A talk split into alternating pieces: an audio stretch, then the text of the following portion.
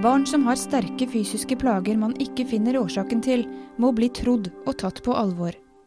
Det handler veldig mye om eh, det å bli trodd.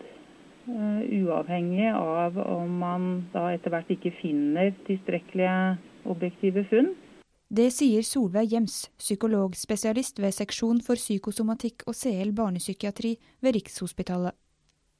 Hun har skrevet en kommentar- og debattartikkel i tidsskriftet, der hun spør om den lange vandringen noen av disse barna går gjennom helsevesenet, også kan gjenspeile hvilke holdninger og tiltak de blir møtt med.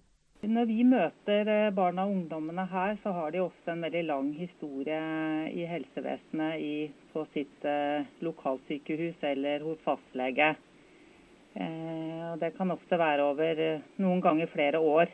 Og Når de kommer hit, så har vi erfart at mange kan slite med tillit til helsevesenet. Ofte har det vært ganske mange leger og andre helsepersonell involvert da, i løpet av den tiden, og de har vært til ofte veldig mange undersøkelser. Eh, og da strever en del med at eh, de for det første ofte har blitt sagt forskjellige ting eh, fra forskjellige leger, og det har gitt forskjellige forklaringer på plagene. Mange lurer på hva det egentlig betyr, og får det ikke helt til å henge sammen. Eh, og etter hvert som de har eh, vært lenge og måtte vandret rundt, så opplever nok mange at de ikke føler seg tatt på alvor også. Og Det gjelder kanskje spesielt etter hvert som man ikke finner tilstrekkelig somatiske forklaringer på plagene. Ehm, da kan nok en del oppleve seg utrygge. De har fortsatt eh, plagene sitter i kroppen. Og, og de kan ofte ha ganske store plager også, som utmattelse, stor grad av smerteproblematikk. Og de eh, forstår ofte ikke at de har plagene når man ikke finner eh, årsakene da, på objektive medisinske undersøkelser. Sånn at da handler det jo mye om hvordan man kommuniserer. Hvordan eh, plagene kan henge sammen med f.eks. livsbelastninger, stress osv. Hvem rammes av langvarige uavklarte somatiske tilstander? En infeksjon eller skade, f.eks. mageinfeksjon, øvre luftveisinfeksjon eller en forstuing, er ofte starten på plagene. Men symptomene varer etter at infeksjonen eller skaden forventes å være leget. Sensitive barn er dessuten mer utsatt. Barn med denne type tilstander er ofte eh, ganske følsomme, flinke og samvittighetsfulle barn. Eh, som nok har en tendens til å presse seg en del på, på ulike arenaer. Det kan være i forhold til skole, det kan være i forhold til idrett. I kjølvannet av disse plagene så oppstår det ofte også onde sirkler, fordi at mange faller etter hvert Eh, enten helt eller delvis ut av skole. De isolerer seg kanskje fra venner, og det vi da ser er at det også forsterker plagene. Sånn at det blir eh, ofte onde sirkler i kjølvannet av, av disse symptomene barna har, og, og det forverres ofte også over tid. Å forsøke å bryte disse onde sirklene er en viktig oppgave for Jems og kollegene på Rikshospitalet noe de også oppfordrer det lokale hjelpeapparatet til å gjøre.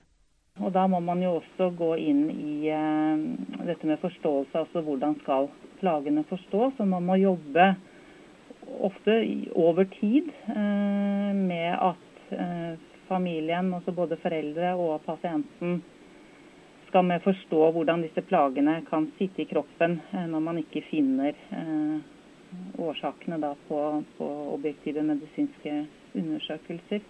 Det som vi vel erfarer ofte kan låse seg, er når eh, barnet kanskje har vært gjennom en rekke undersøkelser uten at det er snakket om barnets psykososiale situasjon, om det er stress eller belastninger i barnets situasjon på, på en, en, eller annen måte. Enten skole, venner, det kan være mobbing, det kan være familievansker. Eh, dersom dette ikke er tematisert og man Eh, presenterer det som at nå finner vi ikke bakgrunnen for denne hodepinen eller magesmerten eller slitenheten. Og da kan ikke vi gjøre mer for deg. Eh, nå må du henvises til psykolog. Hvis det blir sagt uten at det blir Og så satt inn i en sammenheng, i en helhetlig biopsykososial forståelse, eh, som pasient og foreldre kan forstå og akseptere. Da ser vi ofte at det blir en del av disse onde sirklene som eh, utvikler seg over tid. At, man, at det signaliseres at plagene likevel er reelle, selv om man ikke finner en, en klar årsak. Eh, barnet er like sliten selv om man ikke finner, en, eh, finner svaret på blodprøver eller andre undersøkelser. Så det handler mye om å signalisere at uh, dette tror vi, dette er reell, reelle plager. Uh, men at det er sammensatt, og at det også handler om uh, barnets psykososiale situasjon. Sånn at man må sette inn tverrfaglige tiltak. Det er svært viktig at én lege har det koordinerende ansvaret, slik at helheten blir ivaretatt. Legen bør være en del av det tverrfaglige samarbeidet. Sånn at det ikke blir en, en oppsplitting i eh, at dette er kun psykisk. Det er der det skjer eh, ofte at eh, pasient og familie kan gå i vranglås. Det oppstår ofte mye engstelse og usikkerhet hos pasient og foreldre. Og at de leter etter en én fysisk forklaring som man da ikke finner. Og det handler om at de må bli tryggere på at det ikke er en alvorlig fysisk sykdom som ligger til grunn. Og mange tror det, og det er kanskje ikke så rart eh, at de kan tro det når det er den eksisterende og rådende oppfatningen i samfunnet.